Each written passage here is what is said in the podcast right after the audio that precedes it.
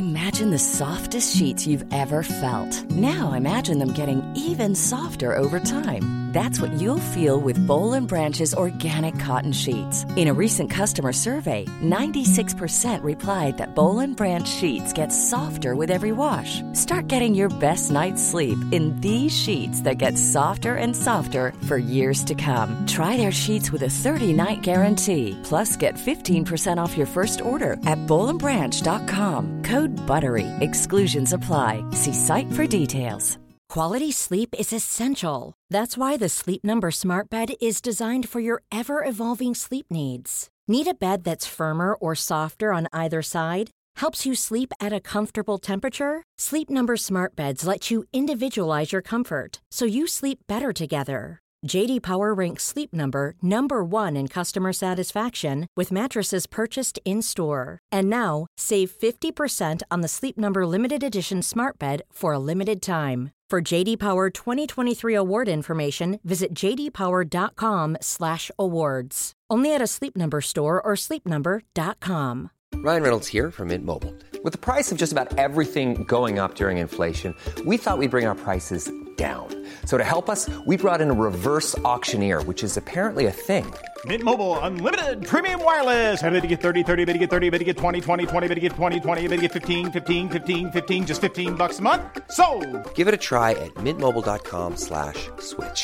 $45 upfront for three months plus taxes and fees. Promo rate for new customers for limited time. Unlimited more than 40 gigabytes per month. Slows. Full terms at mintmobile.com.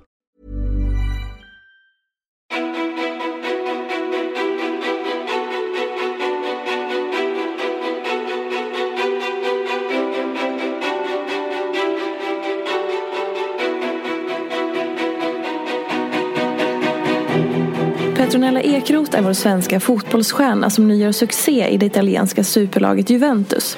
Hon inspirerar dagligen 40 000 följare på Instagram med sin talang, färgstarka klädstil och sitt positiva uttryck. Petronella är ambassadör för Uefa och projektet We Play Strong som uppmuntrar tjejer och kvinnor att spela fotboll. Men vad innebär egentligen livet som superstjärna? Petronella har berättat att det inte bara är lyx och roliga upplevelser. Det är också ensamt och tufft. Hur påverkar det henne? Var proffslivet som hon fantiserade om innan? Hur är det att leva i ett annat land än sin partner? Vem är egentligen Petronella Ekroth? Varmt välkommen till podcasten Ofiltrerat med mig Sofia Peterfia Ståhl. Hej Petronella! Hej! Jag vet inte, det här har liksom spårat ur från början. För att nu när jag skulle läsa introt, eh, det vet ju inte de som lyssnar nu, men då har jag fått ta om det flera ja, gånger. För det att jag bara, hänt. Nej, det brukar aldrig hända. Alltså inte när jag sitter med personen, för att jag bara bryter ihop och börjar skratta med dig. Jag vet inte, vad har det för effekt på folk? Nej, jag, jag vet inte. Men vilket fint intro det jag fick höra lite från till. ja. Nej men, eh, alltså tack så jättemycket. Eh, ja, jag vet inte riktigt vad jag ska säga. Det är så mycket man vill säga på något sätt. Mm. Eh, för att precis som du beskriver, det är ju ett häftigt liv att få leva samtidigt som att det är väldigt, väldigt tufft. Mm. Och jag tror många kanske bara ser en sida av det. Eh, speciellt när man på något sätt, alltså som nu när man har varit iväg och man är fast i en klubb eh, så är man också på något sätt fast. Eh, lite på ett sätt det känns lite som att man är i ett fängelse.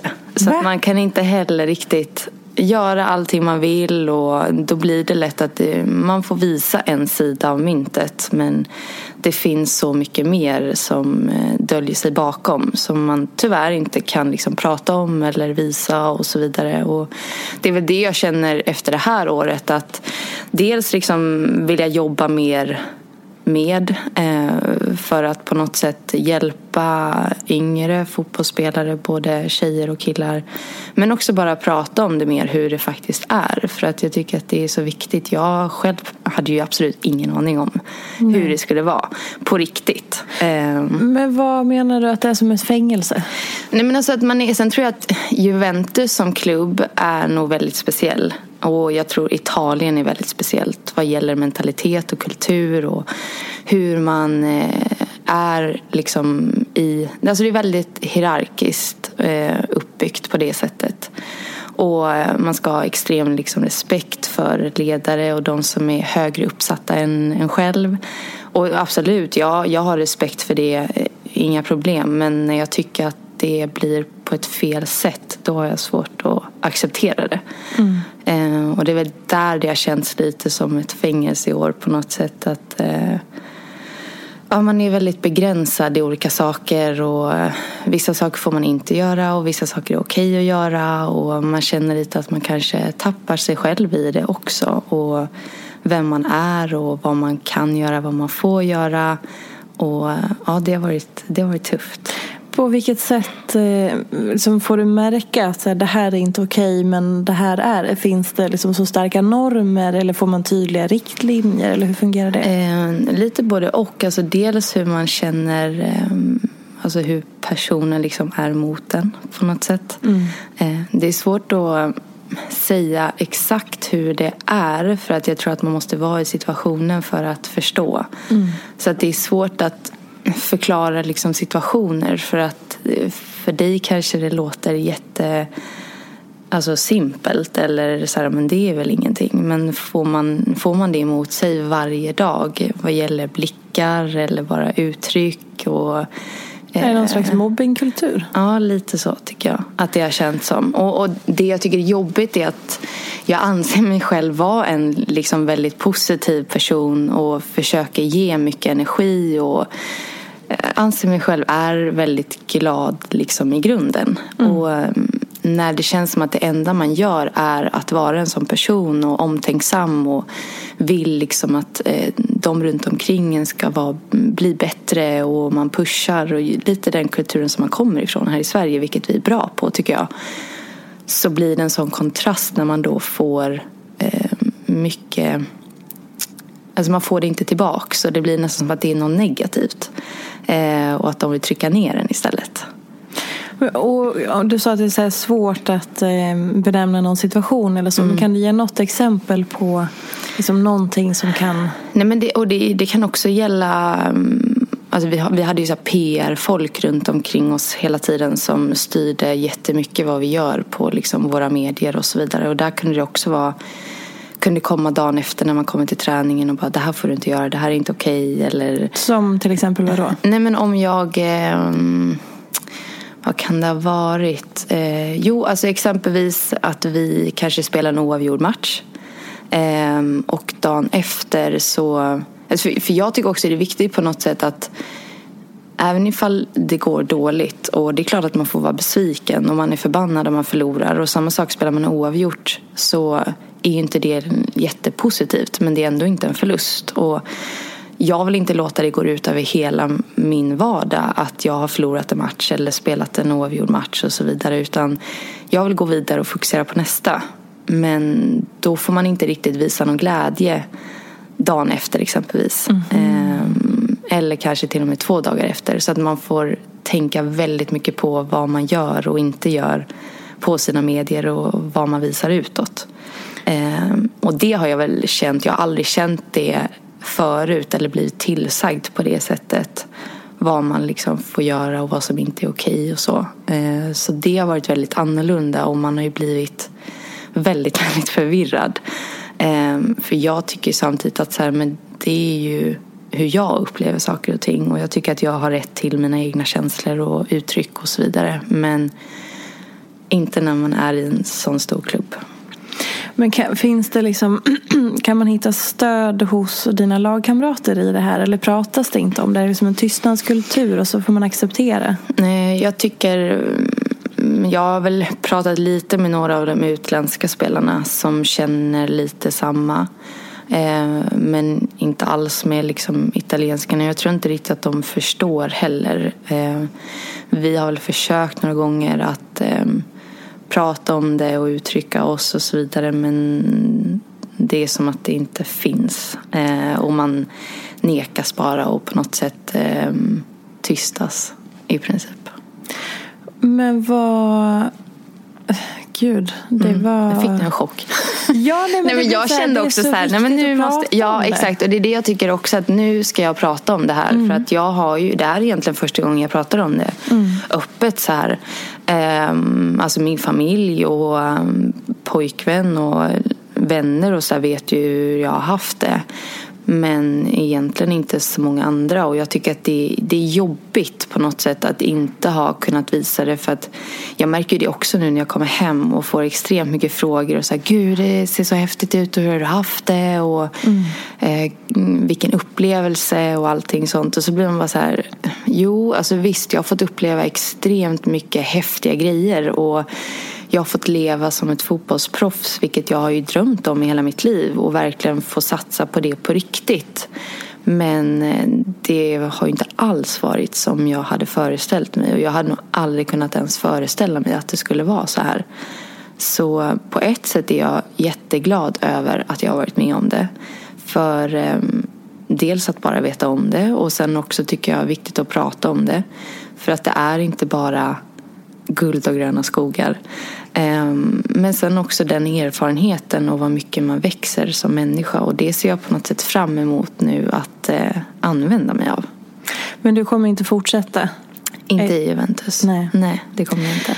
Men och jag tänker så här, för du är ju ändå där för att så här, topprestera i din idrott. Mm. Och klubbens intresse är väl tänker jag naivt nog, att så här, stärka er, boosta er och göra så att ni blir liksom de ultimata spelarna som, mm. får, som gör det absolut bästa.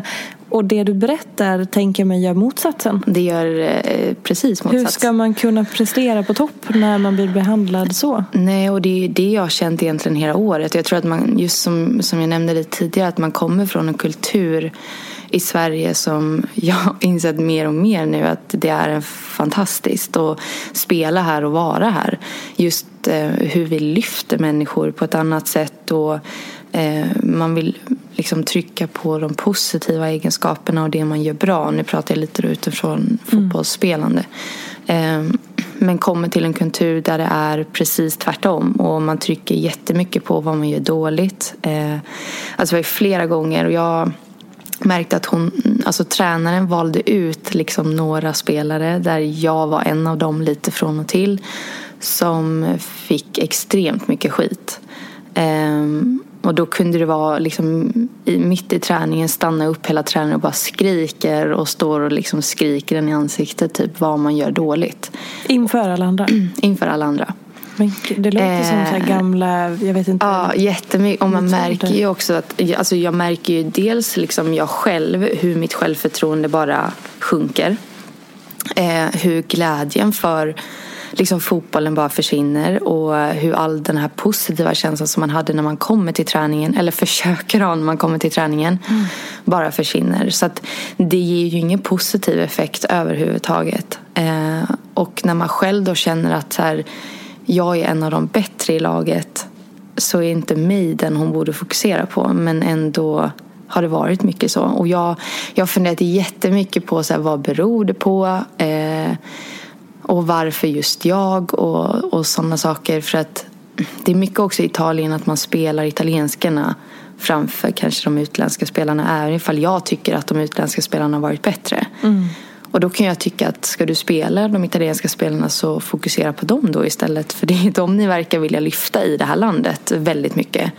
Men då är det vi utländska spelare som får väldigt mycket skit för att de kan inte riktigt ta kritik. Och det tycker jag är lite allmänt eh, Italien eller liksom italienska spelare och även tränare att de har väldigt svårt att liksom ta kritik eller när man säger någonting som man kanske tycker är fel eller som inte funkar. Mm. Eh, utan man ska bara vara tyst liksom, och acceptera det lite som det är. Eh, så det var en situation när jag tyckte faktiskt att det gick för långt. Och då gick jag och pratade med henne efter träningen. Och jag tror inte heller att de är riktigt vana vid det. För jag märkte det lite på reaktionen också.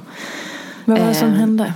Nej men då hade hon stått och skrikit på mig egentligen hela träningen. Och vi hade match dagen efter. Och jag kände så här, jag ska spela match imorgon och det enda jag har fått höra inför den är skit egentligen. Så att jag känner mig inte, dels inte peppad överhuvudtaget på att spela match. Eh, jag känner mig inte särskilt motiverad och jag känner inte att jag har förtroendet. Utan det känns bara negativt och eh, nej, in, inte bra. Liksom. Jag har ingen bra känsla som man vill ha inför en match. Och speciellt när man har tränat sista träningen inför en match så vill man ju ta med sig en bra känsla. Mm. Ehm, men så då gick jag och, pratade med henne och hon var ju så här, men gud hur, hur är det, är allting okej? Okay? Så jag bara, men nej det är inte okej. Okay. Alltså, men vänta, hur kan hon fråga det? Nej men det är det också blir så här, ni, för, alltså, det känns som att de förstår inte vad de gör. Antingen är det så, så vanligt för dem. Ehm, mm. Och att det är bara så det funkar så att de förstår liksom inte riktigt samtidigt som att de fattar ju att de gör fel för att den reaktionen de får är ju inte positiv. Och jag tycker att man ser liksom över laget också. Alltså jag så många gånger, jag stod och tittade ut över liksom mitt lag och jag bara kände så här, det är ingen som mår bra här. Alltså det är ingen som tycker att det här är kul. Och man ser ju det, på prestation sjukt. också. Jättetråkigt. Så det, det är så många gånger man också tänkt så här, tänk om vi hade haft eh, en tränare som pepp peppar och lyfter liksom det positiva och som de får ut... Jobbar de ingenting med mental träning? Alltså just det här, Nej, så här visioner och att man stärker sig själv eller att man så här, tar... Ingenting. Va? Nej, ingenting. Men um, gud. För om man bryter ner någon så måste man ju åtminstone liksom bygga upp den mm. igen. Men inte ens Nej. uppbygga. Och jag vet inte om de tror att så här, men om jag bryter ner dig så ska du bli bättre på det sättet? Eller no alltså jag har ingen aning riktigt vad själva syftet är med den här, eh, alltså den här eh, Alltså hur, hur, man använder det här i praktiken och liksom Nej. jobbar. För att det, det, och jag, jag, tror så här, jag tror att vi skulle få ut så mycket mer av vårt lag ifall liksom spelare kände mer att de kan leva ut sin prestation och inte känna att man har någon som liksom står och iakttar varenda sak man gör i princip. För att det känns inte avslappnat liksom. Nej. Och det är, väldigt, det är väldigt tråkigt. Så att det är mycket så här Ja, man har ju jobbat extremt mycket med det mentala i år. Eh, och jag har faktiskt haft en idrottspsykolog som jag pratar med. Eh, som jag tycker har hjälpt jättemycket. Har du fått bekosta den själv då eller hur funkar det? Ja, det har jag gjort. Mm. Um, och um, det, har jag, alltså det jobbade jag även med. Liksom, jag har haft skador och sånt och jag tycker att det, det har hjälpt mig jättemycket. Och jag kände bara nu när jag var där i år att här, jag måste ha hjälp för jag klarar inte det här själv. Och jag vet inte hur, alltså bara det att få prata med någon även om jag har min familj och så men att få liksom verktyg på ett annat sätt hjälper mm. så himla mycket.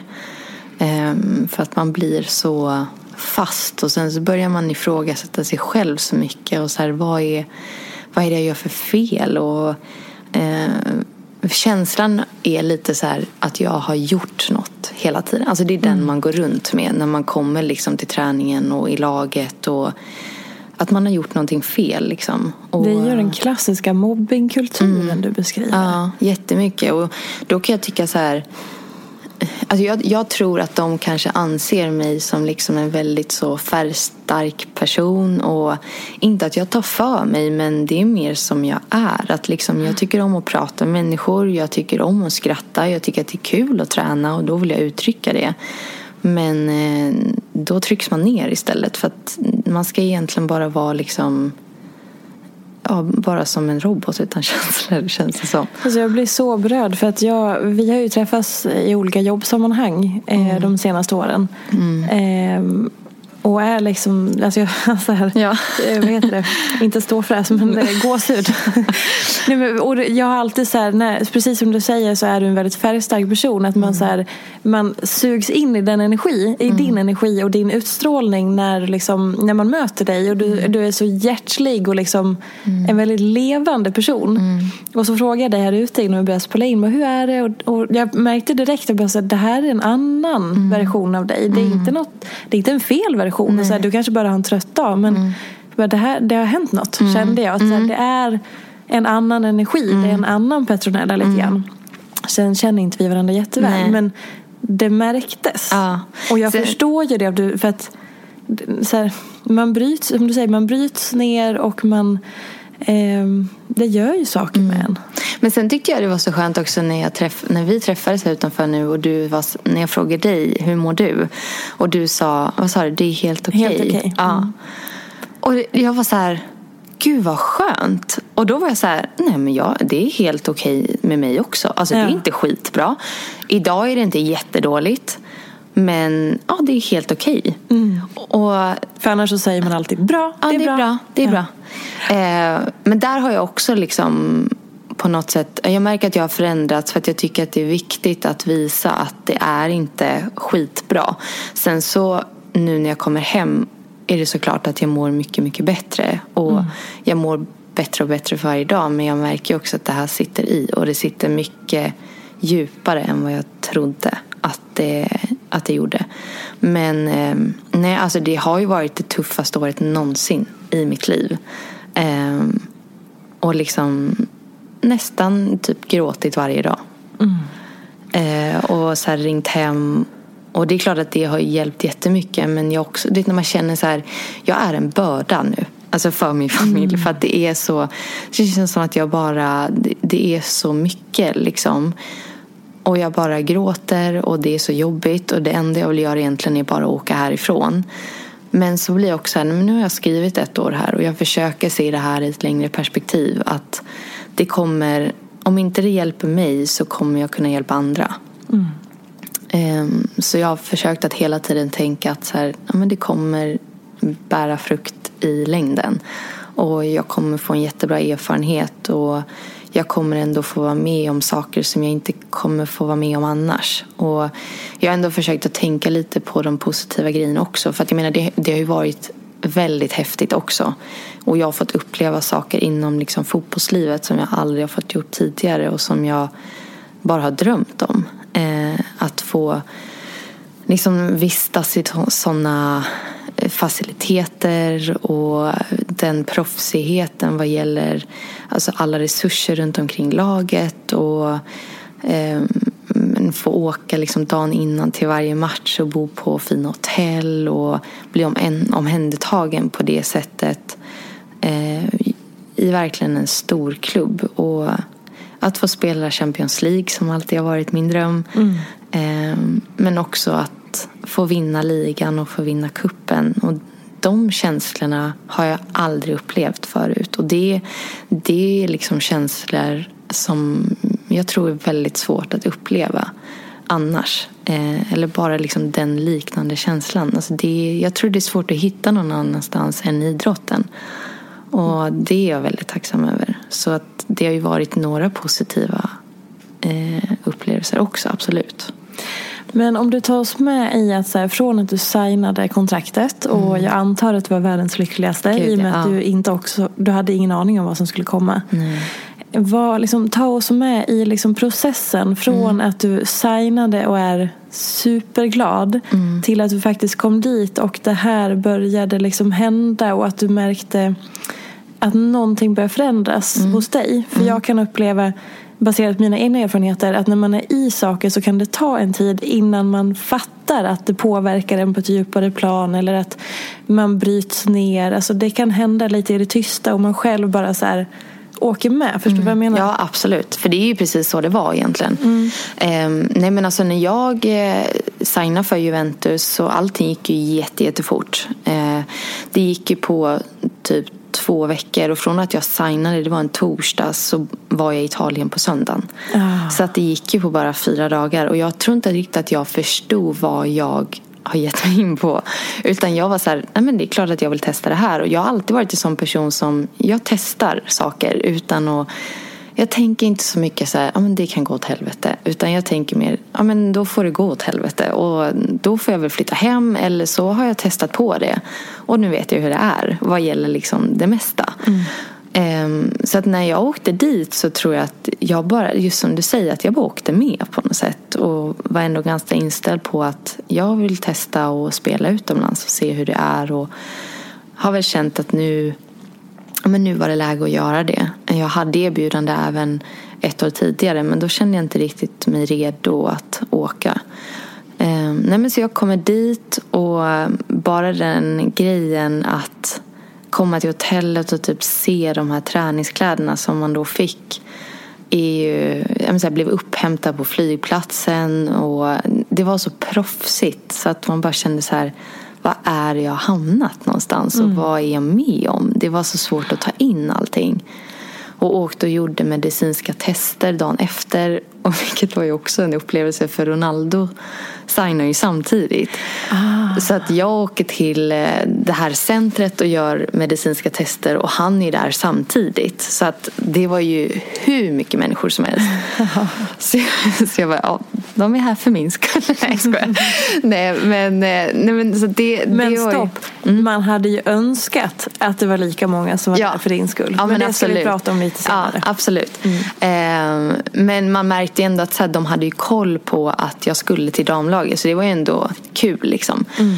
Men eh, nej, så fick jag göra det och sen så åkte jag vidare till eh, att träffa laget. Och då, alltså allting kändes hur bra som helst. Och det är klart att jag kände mig väldigt, på något sätt också ensam. För jag var så här, vad har jag gett mig in på? Jag är helt ensam och har kastat mig ut i någonting som jag inte har en aning om hur det här kommer bli. Eller vad jag kommer vara med om eller någonting. Utan jag hade väldigt bara positiva tankar och känslor. Um, och sen så ja, men liksom började vi träna och komma in i allting det. Och jag tror att jag tror inte de flesta i laget, alltså jag tror inte någon egentligen hade koll på mig. Vilket jag tror var bra för mig kanske i början. Mm. Eh, och jag märkte lite det också. att jag jag tror att de var lite så här, ah, vem är det som kommer här? Ehm, och trodde väl liksom att jag var någon, ja men kanske inte så bra helt enkelt. Får man ett ehm. annat bemötande om man är en liksom, superstjärna? Ja, men jag tror det, för jag märkte ju, det var ju en annan tjej som signade för England, eller från England som eh, man kanske vet lite mer vem det är. Och det kändes, ja men de hade lite mer så respekt emot henne och jag märkte också att Eh, de som liksom kanske är lite mer meriterade på det sättet och har spelat landslag och sådana saker som man vet lite mer vilka de är var också så här, ah, spelar du i landslaget eller som att det är typ det viktigaste och jag bara, nej det gör jag inte. Mm. Och då kändes det redan där att så här, aha, no, hon är inte, det är inget speciellt. Um, men och jag var så här, ja, men jag ska visa vem, vem jag är och vad jag kan. Och sen kändes det ju väldigt bra på träningarna. Eh, och jag fick ju starta i matcherna. Så det gick ju väldigt bra för mig i början. Och det är där jag tror lite att det började vända. Att de började inse att så här, okej, okay, hon, är, hon är ganska bra. Och, men det ska ju inte vara någonting dåligt när ni nej, är ett lag. Exakt. Eller? Men det, har jag det, missuppfattat? Nej. Vad är ett lag? Exakt. Ja, men, och så har jag också känt hela ja. året. Jag bara, det här är inte ett lag. Alltså, ifall jag jämför, nu har jag bara spelat i Sverige tidigare. Men om det kommer utländska spelare till ett svenskt lag, det är ju bara positivt. Alltså de ser man ju som en extrem styrka. Och mm. man vill få in dem i laget för man vill känna att de ska vara välkomna och de är en del av oss. Och de kommer liksom göra oss bättre. Medans... Ja, för att om någon är bra så är det bra för alla. Ja, exakt. Medan här känns det lite som att okej, okay, hon är bra, henne måste vi trycka ner. För att hon får inte vara bättre än oss. Då har man ju missuppfattat ja, vad man håller på med Jättemycket. Men det är ju mer individuellt fokus där känns det som. Ehm, och sen också lite så hur jag har pratat med andra alltså italienska kvinnor utanför fotbollen som har pratat lite om också hur det är att vara kvinna i Italien och speciellt som atlet. Att den karriären är väldigt kort och efter en idrottskarriär så har man inte så mycket mer egentligen. Så att de åren man är på den nivån och de åren man är liksom i centrum så får inget komma i ens väg. Mm. Lite så känns det. Eh, och när jag fick det också förklarat för mig så ja, kändes det ganska logiskt också eh, utifrån det man själv har upplevt. Men eh, nej, så det var väl där någonstans jag började känna att, att det började vända lite. Och hur märkte du det? När, som, vad var det första som förändrades hos dig? Från den här glada, kanske mm. lite naiva eller så här, bara lyckokänslan? Mm. Nej, men jag kände nog att jag blev liksom tystare och tystare. Eh, hur snabbt hände det? Mm, det kanske kom efter typ två månader kanske. Mm. Något sånt. Eh, och det har jag väl känt liksom lite under året att alltså i ett lag vanligtvis så ja, just så att jag försöker ge mycket energi och jag tycker om att prata med alla och liksom ja, bara allmänt glad. Medan här kände jag mycket att jag blev väldigt tyst liksom. Och jag försökte bara göra mitt jobb. Eh, men lite, ja men inte uttrycka så mycket och prata inte med så många utan mer bara gick dit, gjorde mitt jobb och sen åkte hem liksom. Men mm. jag kände ändå att jag presterade och det var jag ändå, det, eller det är jag väldigt stolt över att jag ändå har lyckats liksom hålla en bra kvalitet på min fotboll och att jag ändå har bevisat på något sätt att de kan inte trycka ner mig. Mm. Och det var väldigt skönt att på något sätt avsluta på det sättet som, som jag fick göra. För att det kändes verkligen som en revansch. Mm. Och det är så hemskt på något sätt också att, att känna så att när man vinner ligan och som jag också fick göra mål i sista matchen och ha en avgörande roll. Så kände, alltså min känsla var så här, ni, alltså jag är bättre än er. Mm. Jag är alltså på något sätt att det här är en revansch och jag, nu visar jag att ni kan inte komma åt mig. Mm. Och den känslan vill man ju inte ha när man spelar i ett lag och när man vinner tillsammans. Utan man vill ju bara känna enorm glädje att vi har gjort det tillsammans. Men mm. nej, jag hade en annan känsla. Eh, och mer på något sätt så här, det är över. Mm. och det var så skönt. Men också såklart, alltså den upplevelsen var ju skithäftig. Eh, att få göra mål i både sista matchen men också i kuppfinalen Och bara på något sätt få så lämna ett avtryck som, som jag kan liksom ta med mig. Och det känns väldigt skönt. Men, och när mådde du liksom som sämst i det här? När kände du att det här, som du sa, mm. det här har påverkat mig på ett djupare plan? Mm. När märkte du det? Eh, det var nog där att det började liksom innan jul, tror jag. Eh, ja, men typ in kanske i mitten på höstsäsongen. Att eh, ja, men jag bara kände så här, jag är så... Alltså det, dels är orättvist behandlad eh, och extremt sårad på något sätt. Alltså på djupet. När man känner att jag, alltså jag försöker bara att vara liksom omtänksam och jag vill bara väl. Jag tycker inte att jag gör någonting som är fel men det känns som att jag gör fel hela tiden. Mm. Och um, Det är så svårt att på något sätt acceptera och så leva i det varje dag. Eh, det blir som en psykisk misshandel. Jättemycket. Och sen att också då komma hem till liksom sin lägenhet och sen är det väldigt ensamt. Eh, man känner inte direkt att man har någon i laget. Alltså jag kände så här, jag kan inte lita på någon. Och det är jättejobbigt att vara mm. själv i det.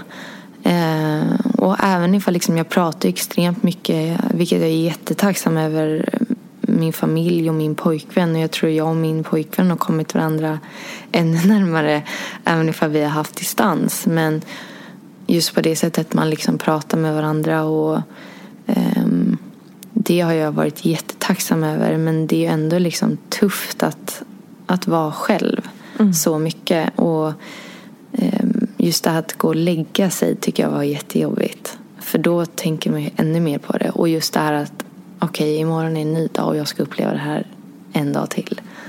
Mm. Um, Fy fan. Ja. Nej men väldigt, och jag tror att det är svårt Alltså jag, jag, har ju skriv, jag tycker om att skriva och jag tycker det är jätteskönt att skriva av mig när jag mår dåligt eller liksom när jag har någonting jag vill få ur mig. Och jag har ju skrivit extremt mycket eh, det här året och det har varit jätteskönt. Men det är svårt på något sätt också nu när man har kommit därifrån och när det avslutades som det gjorde. Man blir ju också knäpp i huvudet liksom. Att från att ha mått så dåligt, det är så svårt att inse det nu hur dåligt jag mådde och liksom känna de känslorna när man inte är där eller när man vilket jag är tacksam och glad över att jag fick ändå med mig en positiv känsla och att det fick avslutas på ett bra sätt. Mm. Um, men jag har, alltså jag har ju mått riktigt, riktigt dåligt och jag tror att jag har känt mig um, alltså uttömd typ eller utmattad eller hur ska man ja, hur man ska liksom uttrycka det. Men jag tror liksom... Eh, vad säger man när man är... Inte ut, vad säger man? utbränd. utbränd. Mm. Eh, Alltså jag tror jag har haft, och har lite fortfarande tror jag, en liten så här, att jag är lite utbränd. Ehm, för att jag, jag kände mycket att så här, jag fick, jag, jag fick så här, kriga väldigt mycket varje dag för att liksom ta mig igenom det. Och det tror jag har tagit hårdare på mig än vad jag tror. Och sen också att jag åkte mitten av säsongen, alltså här i Sverige. Så att jag kom liksom från försäsong här och från en vårsäsong. Åka mitt i säsongen och komma till en ny försäsong och hård träning. Ingen paus. Nej. Så att nu liksom har jag, jag håller ju på i ett och ett halvt år konstant liksom utan vila egentligen. Eller jag hade fem dagar vid jul. Men jag tror det också har tagit liksom på kroppen väldigt hårt. Ehm, samtidigt som att jag, så här, jag har ju känt mig stark ändå. Men li, ja, lite uttömd och lite Men utbränd hur, eh, och hur ser liksom eh, upplägget ut? Hur är det liksom med någon slags eh, då finns det ingen balans då antar jag med. Eller liksom hur, får ni vila, återhämtning, liksom hur mycket träning? Hur ser liksom schemat ut? Ja, Man säger? men vi har ju haft, vi har träning eh, varje morgon. Ehm, och sen, ja, då tränar vi ju liksom, varje träning har ju typ varit minst två, två och en halv timme. Och att vi alltid börjar med uppvärmning i gymmet i en halvtimme. Och det där tycker jag jättemycket om, liksom den professionaliteten på något sätt att eh, alla är ju på samma nivå på det sättet. Och det tycker jag har varit jättehäftigt att få vara i den miljön. För att det är någonting jag lite har saknat och känna att vi är på samma nivå och vi vill bli bättre fotbollsspelare. Och jag är där för att eh, hela tiden prestera mitt bästa och jag vill bli bättre. Ehm, så att Ja, en, en halvtimme innan varje träning är man där och kanske har ett eget program som man värmer upp med eller ja, bara försöker komma igång. Liksom. Och sen går vi ut och eh, kör fotboll då på planen och det har varit typ ja, men två timmars pass nästan varje träning. En en och en halv, två timmar ute på planen. Ehm, och när jag kom dit i somras, alltså det var extremt varmt. Gud. Så att det var ju också en omställning att dels träna så mycket längre pass men också att vara i den värmen som var väldigt påfrestande. Eh, Så att bara ta sig igenom det var ju på något sätt eh, är man ju stolt över liksom. Eh, Men jag tror, alltså jag har ju aldrig varit i ett lag med så mycket överbelastning och muskelskador. Ehm, och det tror jag beror på att, vilket också så på något sätt eh, fascinerar mig för att vi har ju haft, vi har pulsband varje träning och vi har ehm, vad heter GPS varje träning som ser liksom hur mycket vi springer och hur vår puls ligger och efter varje träning så säger vi mellan 1 till 10 hur jobbig träningen har varit.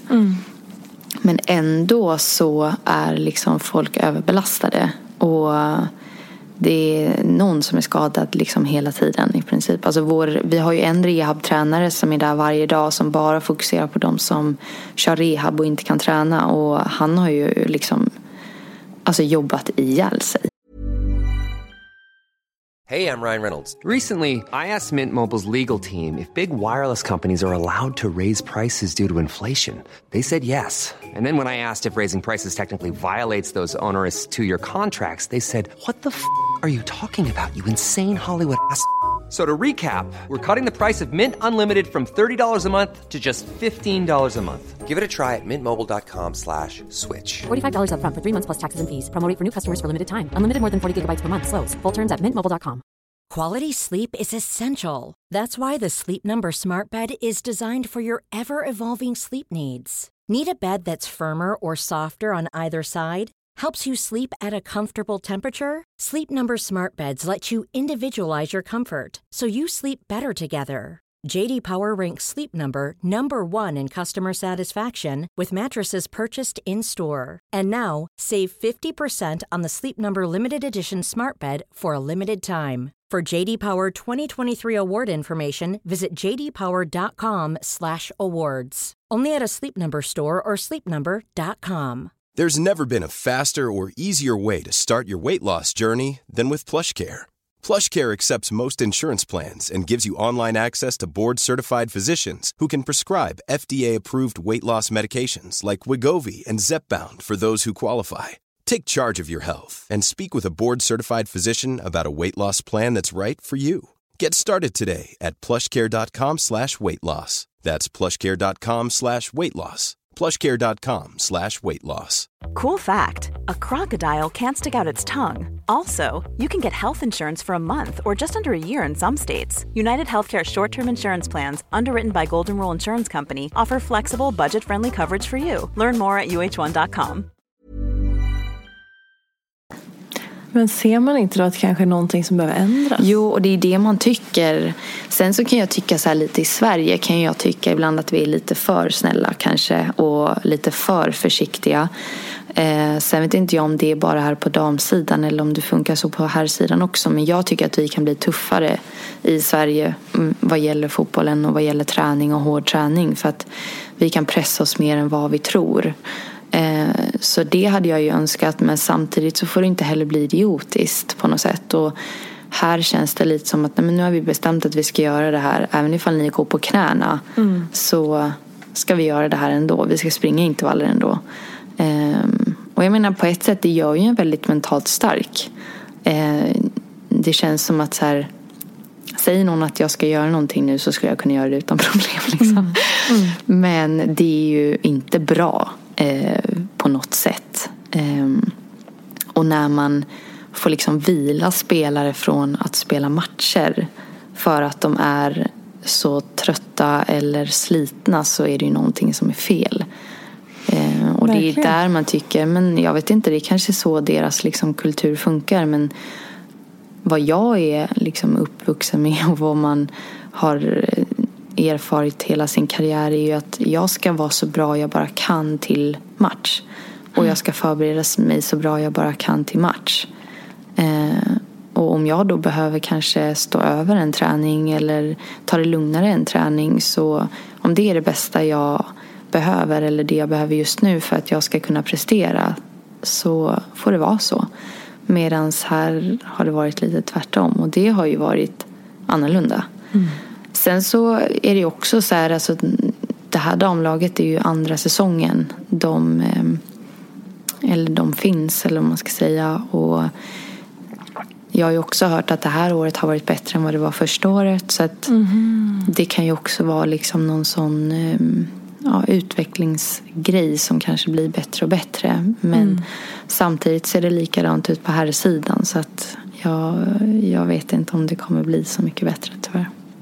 Har ni mycket kontakt med herrsidan? Alltså i och med att vi, ni spelar för samma klubb. Är liksom ni sammanlänkade på något sätt eller är det väldigt separat? Eh, alltså vi är på två helt olika. Vad gäller A-laget så är vi på två helt olika anläggningar. Eh, så att man har inte sett dem liksom på det sättet. Vi träffades någon gång på någon liksom julfest. Och sen har man ju sett dem, alltså alla matcher man har gått på och sådär. Eh, men annars inte alls. Men deras B-lag har ju varit på samma anläggning som vi så att de har man ju pratat med och träffat och sådär. Och det är faktiskt en svensk som spelar i det laget. Mm. Så det har varit eh, väldigt skönt. Även ifall man inte liksom ses jätteofta för vi har inte samma träningstider alltid. Men eh, ja, vi har ändå kunnat prata lite och sådär. Så det har varit väldigt skönt. Och sen också en annan spelare som jag hängde lite med. Eh, som också var så här, en skithärlig, glad person eh, med jättemycket energi och jag bara kände så här, gud vad härligt att träffa någon med liksom samma personlighet på något sätt. Men man märkte också ju mer tiden gick att han också bara... Det var samma sak? Ja, du vet att man bara kände så här... Du vet gnistan i ögonen typ försvinner. Och det är så läskigt. Ja, det är så tråkigt. Eh, men också vi blev ju tillsagda att vi inte fick eh, umgås. Mm -hmm. Du och från, han? Ja, från ehm, liksom ledningen eller högre upp. Eh, vilket jag tycker är för att de trodde att ni skulle börja dejta och det var dåligt? Ja, och det här eller? är så, det är så uh, intressant för att vi, uh, alltså jag, jag kommer ihåg att jag la upp en Insta-story med honom och han la upp en med mig. Liksom. Mm. Um, bara så att vi hängde på stan och tog en kaffe, inget mer med det. Och han är typ, vad är han, liksom tio år yngre än mig. Alltså det skulle kunna vara min lillebror liksom. Ja. Men, eh, eh, nej men och sen så typ hängde vi lite och sen dagen efter då när det här hade hänt, för det var också dagen innan en match.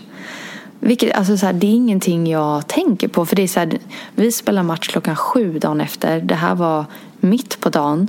Vi var och tog en kaffe inne i stan. Mm. Vilket jag inte tycker är något konstigt. För att dels så liksom alla liksom laddar vi upp olika inför en match. Och för mig att bara sitta hemma i lägenhet. Det ger inte mig någonting. Och det blir jag typ bara seg av. Mm.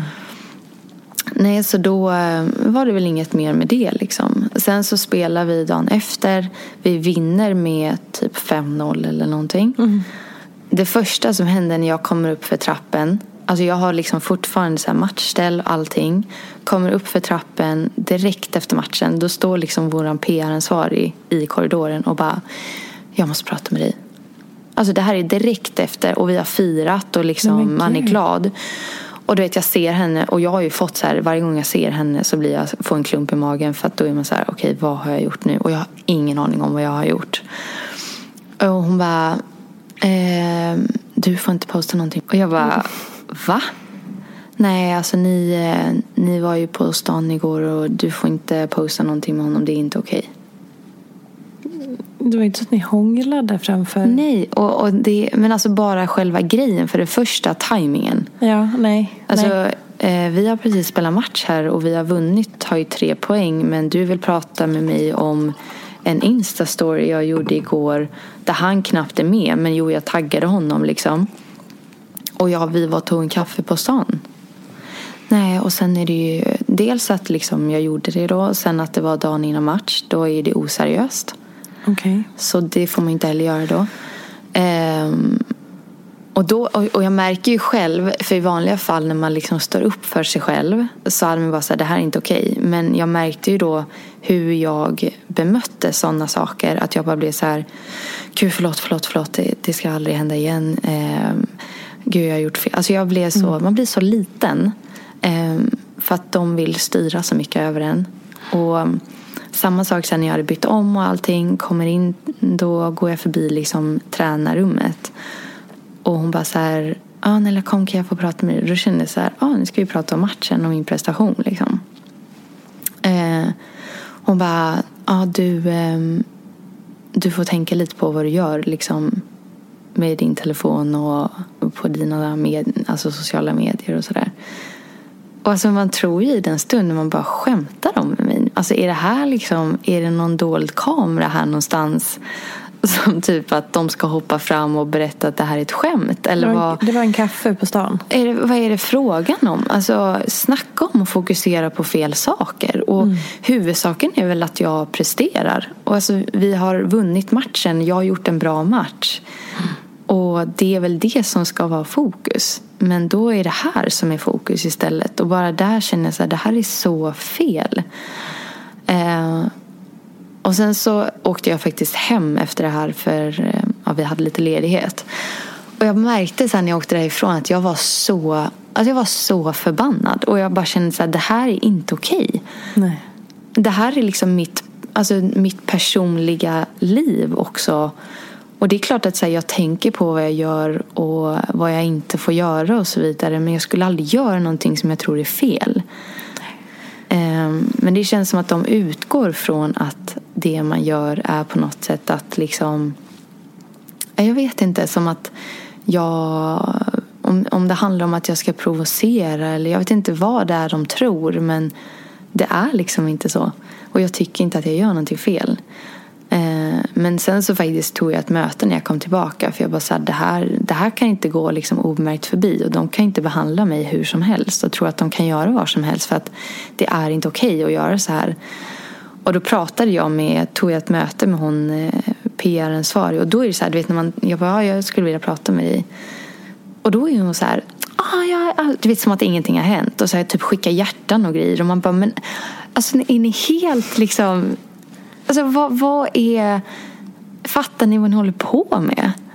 Alltså, ni Varför trycker ner folk. Och, nej, men, och då satt det så, så sa jag så jag vill bara få en förklaring. Varför det här är ett problem. För jag förstår faktiskt inte vad problemet är. Mm. Och Sen tycker jag att det är um, förmjukande att ni kommer till mig och säger sådana saker och tror typ att det är något på gång med honom. För jag har en pojkvän som jag älskar mest av allt i hela världen. Mm. Och att ni ens tror något sånt här, det är inte okej. Okay. För att det är... Alltså, att ni tror någonting sånt dels liksom mot mig men också mot min pojkvän att jag skulle göra någonting. Alltså jag skulle aldrig göra någonting mot honom. Och det, och det är inte acceptabelt. Troligt, då har du troligtvis inte lagt upp det på sociala medier. Nej men exakt, om man också helt dum i huvudet. om det var något, hej det här är, jag är på dejt med en ny kille. Ja, By the way. Bara så att du vet.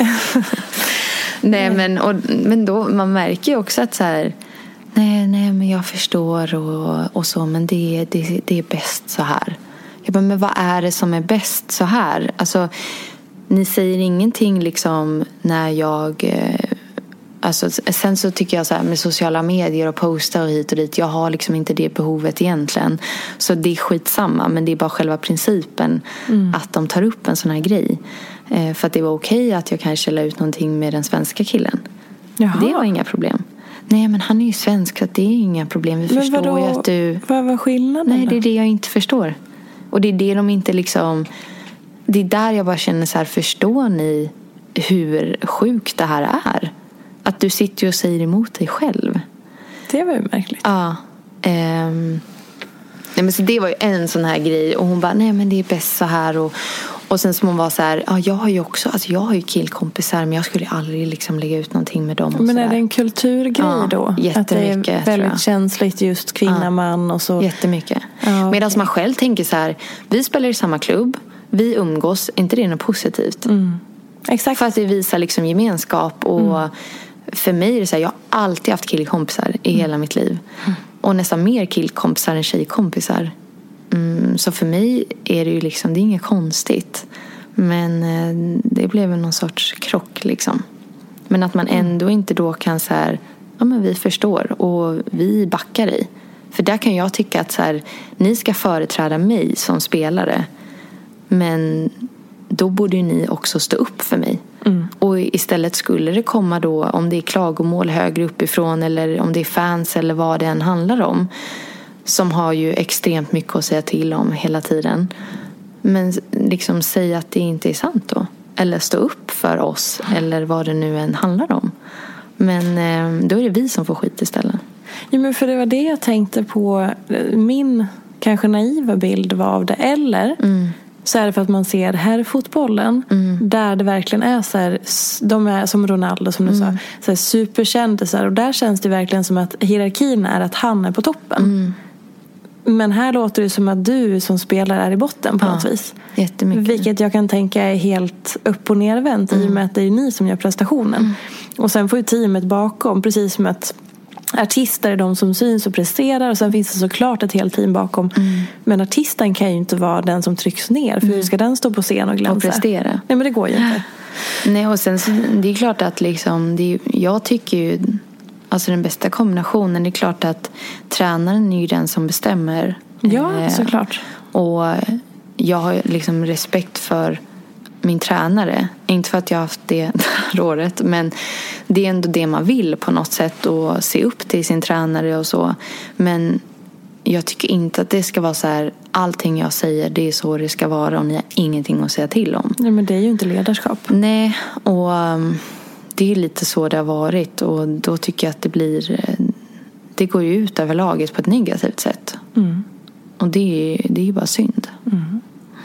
En grej som jag måste eller måste, jo, jag mm. måste ta upp det här för att jag, när jag läste och eh, eh googlade mm. eh, så bara, för först var jag så här, ja men vi måste ju prata lite pengar mm. i och med att det är så här fotbollen, mm. herrar, damer, mm. inte så jämställt och lika. Ja. Och så googlade jag lite och så hittade jag det här. Mm. Eh, att eh, eh, den nya globala löneenkäten, det här är då från Sportbladet. Mm. Den nya globala löneenkäten från Sport Sports Intelligence, jag kan mm. inte ens säga det, mm. har redan skapat rubriker mot bakgrund av avslöjandet att PSG Neymar tjänar lika mycket som 1693 damspelare i Frankrike, Tyskland, England, USA, Sverige, Australien och Mexiko tillsammans. Mm. Alltså Neymar som 1693 damspelare i hela världen. Mm. Eh, och även att damsvenskan i fotboll är enligt undersökningen världens nionde bäst betalda liga för damidrottare. Eh, med en snittlön på 9 900 kronor i månaden. Herrarnas snittlön i allsvenskan är 89 000 i månaden. Alltså, Ja men alltså och det är så här, Ah. en, en vanlig, nu kommer jag inte ihåg vilken eh, fotbollsspelare det var, om det var Ronaldo eller någon, men de får ju hundratals miljoner för sina kontrakt.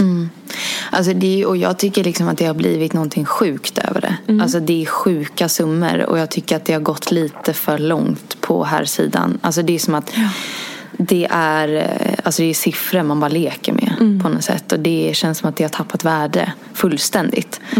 Eh, och det är på ett sätt, jag tycker att det är jättetragiskt och jag tycker att det har gått ut lite över sporten också. Och det är där jag tycker att det blir fel. För att när det går ut över sporten som är ändå därför vi spelar då har det gått för långt. Eh, och när det gäller, vad gäller liksom sponsoravtal och företag ska komma in och tycka saker. Och, jag menar, jag är jättetacksam och vi alla är väldigt tacksamma över företag och sponsorer. för utan dem hade vi inte överlevt. Men när det också går ut över sporten och man ska tycka till om mycket som påverkar på det sättet. Då tycker jag att det går, det går alldeles för långt. Och man tappar liksom på något sätt eh, glädjen i det och det fina med det. Och varför vi faktiskt håller på. Alltså Jag kan ju bara gå till mig själv att Alltså jag spelar inte fotboll för att tjäna pengar. För jag vet att det inte... Alltså jag kommer behöva jobba efter min fotbollskarriär ändå. Liksom. Utan jag vill bara försöka vara i så bra miljöer jag kan och få uppleva så mycket jag kan och bli en så bra fotbollsspelare jag kan i den bästa miljön möjligt. Sen är det klart att kan jag tjäna pengar på det är ju jättepositivt och det ger ju fördel till för mig att träna hårdare och bättre och kunna fokusera ännu mer på fotbollen.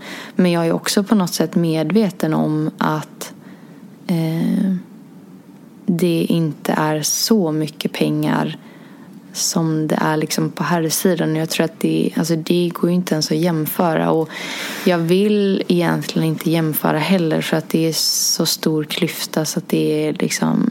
Men det är så tragiskt att, att du ska känna att så här, eh, såklart att känna att så här, det är inte pengarna som är motivationen. Det är ju någonting fint, eller liksom bra i det. Men kanske också att så här, pengarna kan inte vara motivationen. Nej. För att du är så medveten om att så här, det här kommer inte jag att kunna försörja mig på eller leva. Men hade du haft en penis så hade du liksom haft bara för, Helt andra möjligheter. Alltså, man blir så för- förbannad. Ja. Men okej, så här, jag som inte kan någonting om damfotboll på det sättet. Vad är liksom ett eh, kontrakt med en klubb värd? Om det är inte hundratals Gud, det miljoner. är, nej, det är jätteolika. Jag tror att den som är bäst betald nu, eh, som jag läste någonting om för ett tag sedan. Fyra miljoner va? Ja, Eh, läs, ja, det, eh, och det norskan. är ju, ja, precis. Det. Mm. Och hon signade ju, var det tre år tror jag? Tre år, fyra miljoner. Fyra miljoner. Jag tror det. Och det är inte eh, helt säkert att det är så. Mm. Det, får man ju kolla, alltså det får man kolla upp. Men jag vet att det är som du säger fyra miljoner. Sen under hur lång tid är jag osäker på. Men där är ju också Sen så, sen så har man ju liksom sponsorer utanför det och sånt. Så att jag menar, det man har i sitt fotbollskontrakt är ju en del. Sen har du ju mycket annat runt omkring som också liksom inbring, inbringar pengar och, och ger mycket. Men alltså, om man ändå tänker så här att jämföra med herrfotbollen är ju typ helt omöjligt. Och det kommer vara omöjligt tror jag för alltid tyvärr. Ehm, så jag tycker inte jättemycket om att jämföra utan jag vill mer så här fokusera på men hur står sig damfotbollen jämförelsevis med vad vi kan stå? Att man liksom försöker börja jämföra på det sättet och se egentligen gör vi allt vi kan? Eh, utnyttjar vi alla resurser vi kan? För att jag menar, jag har ju ändå nu varit i en klubb där det finns fantastiska förutsättningar och man vet vad som är möjligt. Och då känner man så här, varför finns det inte på fler ställen? För att det går ju. Mm. Och det är möjligt. Det hade varit en sak om jag aldrig hade sett det. Då hade jag nog känt så här, gud det här är en evig eh, liksom struggle eh, som vi kommer få leva med. Men det finns ju ändå ett ljus i tunneln på något sätt även om den är extremt lång. Men utvecklingen går ju framåt. Mm. Väldigt sakta men den går ändå framåt. Och Alltså när jag var liten, även ifall jag alltid har haft en dröm om att bli ett fotbollsproffs så tänkte jag aldrig liksom att ja, Juventus eller Chelsea, Manchester United eller PSG, alltså det fanns ju inte. Mm. Så att de eh, den utvecklingen är ju ändå helt fantastisk och att, att yngre tjejer kan få ha de målen och den bilden framför sig tycker jag är helt fantastiskt. Och förhoppningsvis så kommer det bara bli bättre och bättre och större och större och mer och mer av allting. Och hur det ser ut idag och vart damfotbollen är på väg är ju skithäftigt att följa. Och det händer ju extremt mycket just nu. Och det är ju verkligen i loopen. Och det snackas jättemycket om det.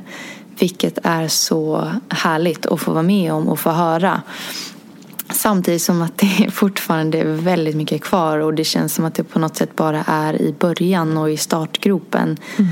Men eh, det ser ju ändå på något sätt ljusare och ljusare ut. Och bara en sån grej att att jag själv har kunnat få åka utomlands och liksom, jag har ju levt på fotbollen, jag har inte haft någonting annat. Um, är ju alltså absolut ett framsteg. Men är eh, det avtalet om du signade, är det liksom så att du kan eh, försörja dig då och liksom länge till? Eller var det så att du klarar det varje månad? Eh, nej men jag har ändå liksom kunnat, sen gör man ju inte av med så jättemycket heller. Så att på så sätt har man ju kunnat spara lite men det är inte liksom värsta lönen som jag kommer kunna leva på i flera år. Absolut inte. Mm. Eh, jag kommer kanske kunna leva på det eh, ett år. Mm. Eh, inte ens det. Nu har jag haft extremt mycket böter. du spenderar dem bra. alltså det är helt omöjligt att köra bil i Italien. nej men så att mina pengar har ju gått åt det. Men, eh, nej men alltså det, det är klart lite finns det över. Men, eh, men så här, inte, bara, inte, så, inte så att så här, det ligger på banken och, och eh, Sen kan det ligga där i flera år och jag bara kan ta av det. Alltså absolut mm. inte. Så är det inte. Men om man kan vara lite konkret. Eh, jag vet inte om du får säga exakt vad du har fått. Mm. Men så här, är det ungefär 10 000 i månaden eller 100 000 i månaden? Bara för att man ska få en bild av Nej, vad det, det innebär. Liksom. Det är inte nära 100 men det är långt ifrån 10. Någonstans i mitten kanske? Ja, mm. lite mer kanske mellan, men säg mellan liksom, eh, och vilket jag tror är vanligt också, kanske där vi runt kanske ja, mellan 20 och 50 tror jag är mer normalt utomlands. Mm. De bästa liksom mellan 50 och 100 tror jag. Mm. I månaden då? Ja. Mm. Men eh, vad gäller liksom här i Sverige så tror jag det är mer under 20. Mm. Ja, snittet var ju Exakt, nio, nio, ja. nio ungefär. Ja. Så det är ju alltså det är som sagt det är en lång resa kvar. Men den går ändå sakta men säkert framåt. Och jag ser fram emot på något sätt att se en klubb här i Sverige som liksom tar nästa steg och nästa kliv. För att jag tycker att den möjligheten verkligen finns. Om man vill vara med och tampas i Europa. och eh, liksom att våga satsa på ett damlag. För att det känns som att det har varit så mycket så här negativt med att ha ett damlag. Eh, och att det har en negativ påverkan på något sätt. Och jag ser liksom inte det. Alltså jag, jag tänker så här vad mycket man kan göra med en klubb ifall du har ett damlag och ett herrlag i högsta serien. Mm. Det är unikt och mm. det borde man utnyttja så mycket mer än vad man gör. Um, så att det är någonting um, Visst, man, man får kämpa med det och det är ju liksom någonting man vill också jobba med och jag vill verkligen jobba med det här för att lyfta damfotbollen. Um, Och att den ska liksom komma närmare här fotbollen. Även ifall jag tror att det kommer...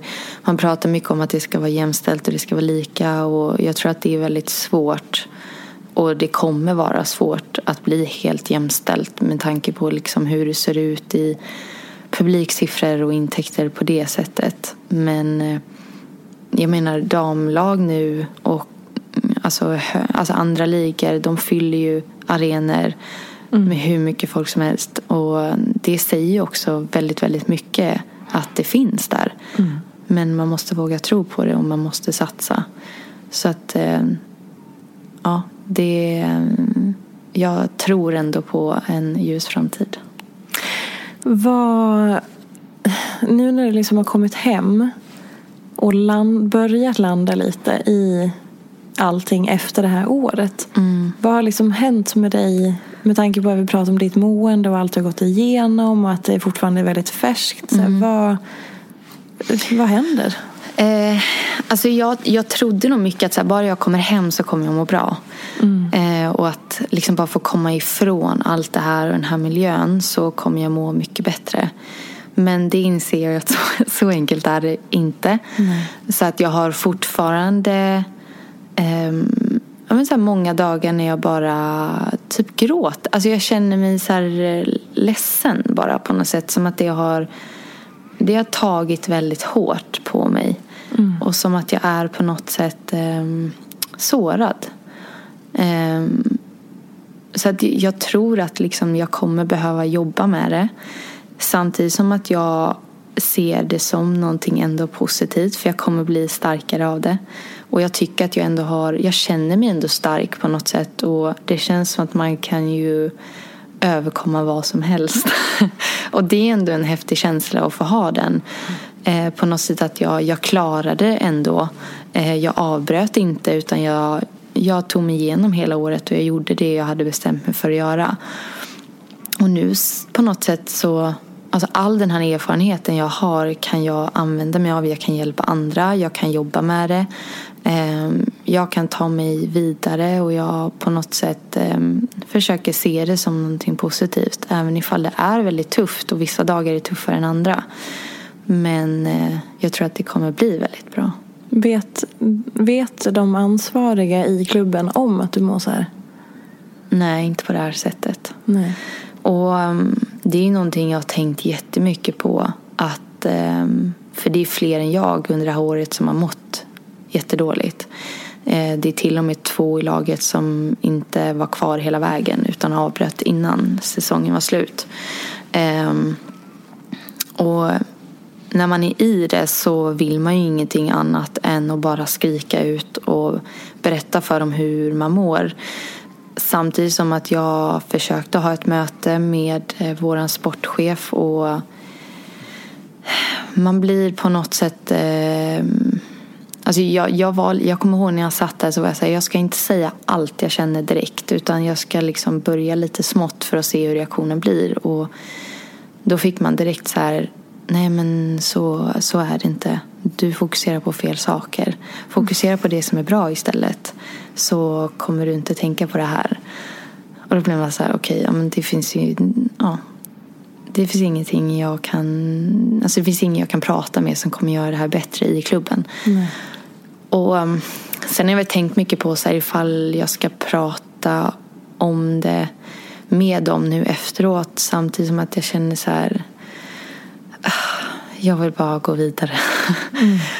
eh, och jag vet inte ifall liksom, mina ord ens kommer påverka dem eller liksom göra någon skillnad. Eh, tyvärr. Alltså, mm. Jag tycker det, det är jättesynd för att det kommer ju bara fortsätta och det är ju fler som kommer må dåligt. Sen är, sen är vi också här, alla är vi olika och jag är en, jag är en känslomänniska. Och det finns ju de som inte tycker att det har varit lika tufft men som kanske är lite mer så här ensamvarg och som klarar det på ett annat sätt. Men jag är väldigt mycket så här men vill vara med människor och tycker om att vara omkring människor. Och Just den gemenskapen, det är därför också man vill vara i ett lag. Mm. För att den känslan är helt fantastisk när det funkar. Och att få skapa saker tillsammans med andra är ju skithäftigt. Um, nej så att jag har funderat på om jag ska göra någonting men jag känner mer att så här, jag kommer prata om det och jag vill liksom vara öppen med det och på det sättet hjälpa andra istället som jag känner att de här kan jag påverka och de här kan jag förhoppningsvis hjälpa eller om inte annat bara så förbereda på hur det faktiskt också kan vara. Att visst, du kommer få uppleva jättehäftiga saker och um, alltså få vara med om möjligheter som man kanske bara hade drömt om eller som man inte hade kunnat tänka sig ens vore sant. Men det kommer också vara jäkligt tufft. Mm. Och um, jag visste inte om det innan jag drog eller var ens förberedd på att det kunde finnas någonting jobbigt med att vara proffs utomlands. Men det, det är väldigt tufft. Vad skulle du vilja avsluta med och ge till lyssnarna? Åh oh, herregud. Um, alltså jag tror på något sätt, alltså för jag, min karriär har absolut inte varit spikrak. Och jag har haft väldigt mycket motgångar i min karriär och i livet och sådär. Även ifall jag får ofta höra att så här, Gud, hur, har, alltså varför, hur lyckas du med det här? Eller nu får du göra det, hur kommer det sig? Och var fick du den möjligheten ifrån? Och jag tror på något sätt att man, eh, alltså det kommer till en för att man på något sätt har så här, jobbat för det. Eh, alltså det är ingenting som kommer gratis. Nej. Ehm, men också att man tar sig igenom tuffa saker. Och jag tror att motgångar ändå är någonting positivt. Även ifall det är när man är mitt i det så är det man ser liksom inte hur man ens ska komma ur det. Och jag kan tänka så mycket nu också ibland att så här, hur ska jag vara genuint glad igen? När ska jag få känna att jag är genuint glad? och mår liksom bra och bara vaknar upp och känner så här, jag mm. älskar livet. Alltså den ja. känslan. Men jag vet att den kommer komma tillbaka för jag har känt den förut.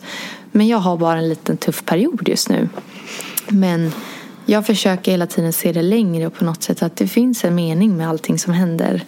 Um, och när man liksom tar sig ut på andra sidan så är man så jäkla stark. Och den känslan är sjukt häftig. Så på något sätt att så här, man, klarar, man klarar mer än vad man tror. Fint. Mm. Tack snälla för att du ville dela med dig av det här. Tack. Det kommer definitivt att beröra och eh, mm. hjälpa. Ja, vi får se vad det blir då. Ja, nej men verkligen. Reaktion. Men eh, ja. nej, alltså som sagt, jag har ju aldrig... Det här är första gången jag pratar om det. Mm. Så, ehm, men ja, jag hoppas att jag kan hjälpa andra. För jag känner att så här, det är mycket det jag också lever för. Att på något sätt eh, jag vill liksom bana väg för andra och liksom vara lite först i ledet och förhoppningsvis öppna upp dörrar eller vägar för de som kommer bakom. För att det kommer komma tjejer bakom eh, men även pojkar och killar. Och, ja, man får försöka se lite bortom sig själv ibland också. Att Fint. det är liksom större än sig själv. Bra eh. avslutningsord ändå att ha med sig. Mm. Följ Petronella i sociala medier såklart. Mm. Och tusen tack för att du kom och tack för att ni har lyssnat. Vi hörs tack. nästa vecka. Hej då! Gärna i sociala medier. Jag heter Peterfia på Instagram och bloggar på peterfia.se. Vill du komma i kontakt med mig så gör du det på info.peterfia.se. Jag vill rikta ett stort tack till Acast för studie och stöttning och ett stort, stort tack till geniet Elin Sjödén som klipper den här podcasten.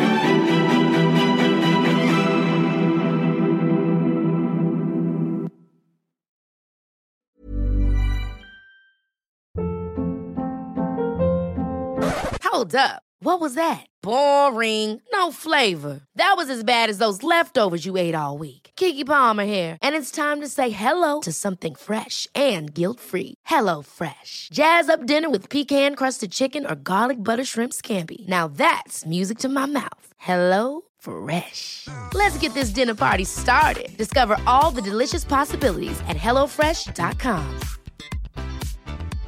Imagine the softest sheets you've ever felt. Now imagine them getting even softer over time That's what you'll feel with Bowl and Branch's organic cotton sheets. In a recent customer survey, 96% replied that Bowl and Branch sheets get softer with every wash. Start getting your best night's sleep in these sheets that get softer and softer for years to come. Try their sheets with a 30-night guarantee. Plus, get 15% off your first order at bowlandbranch.com. Code BUTTERY. Exclusions apply. See site for details.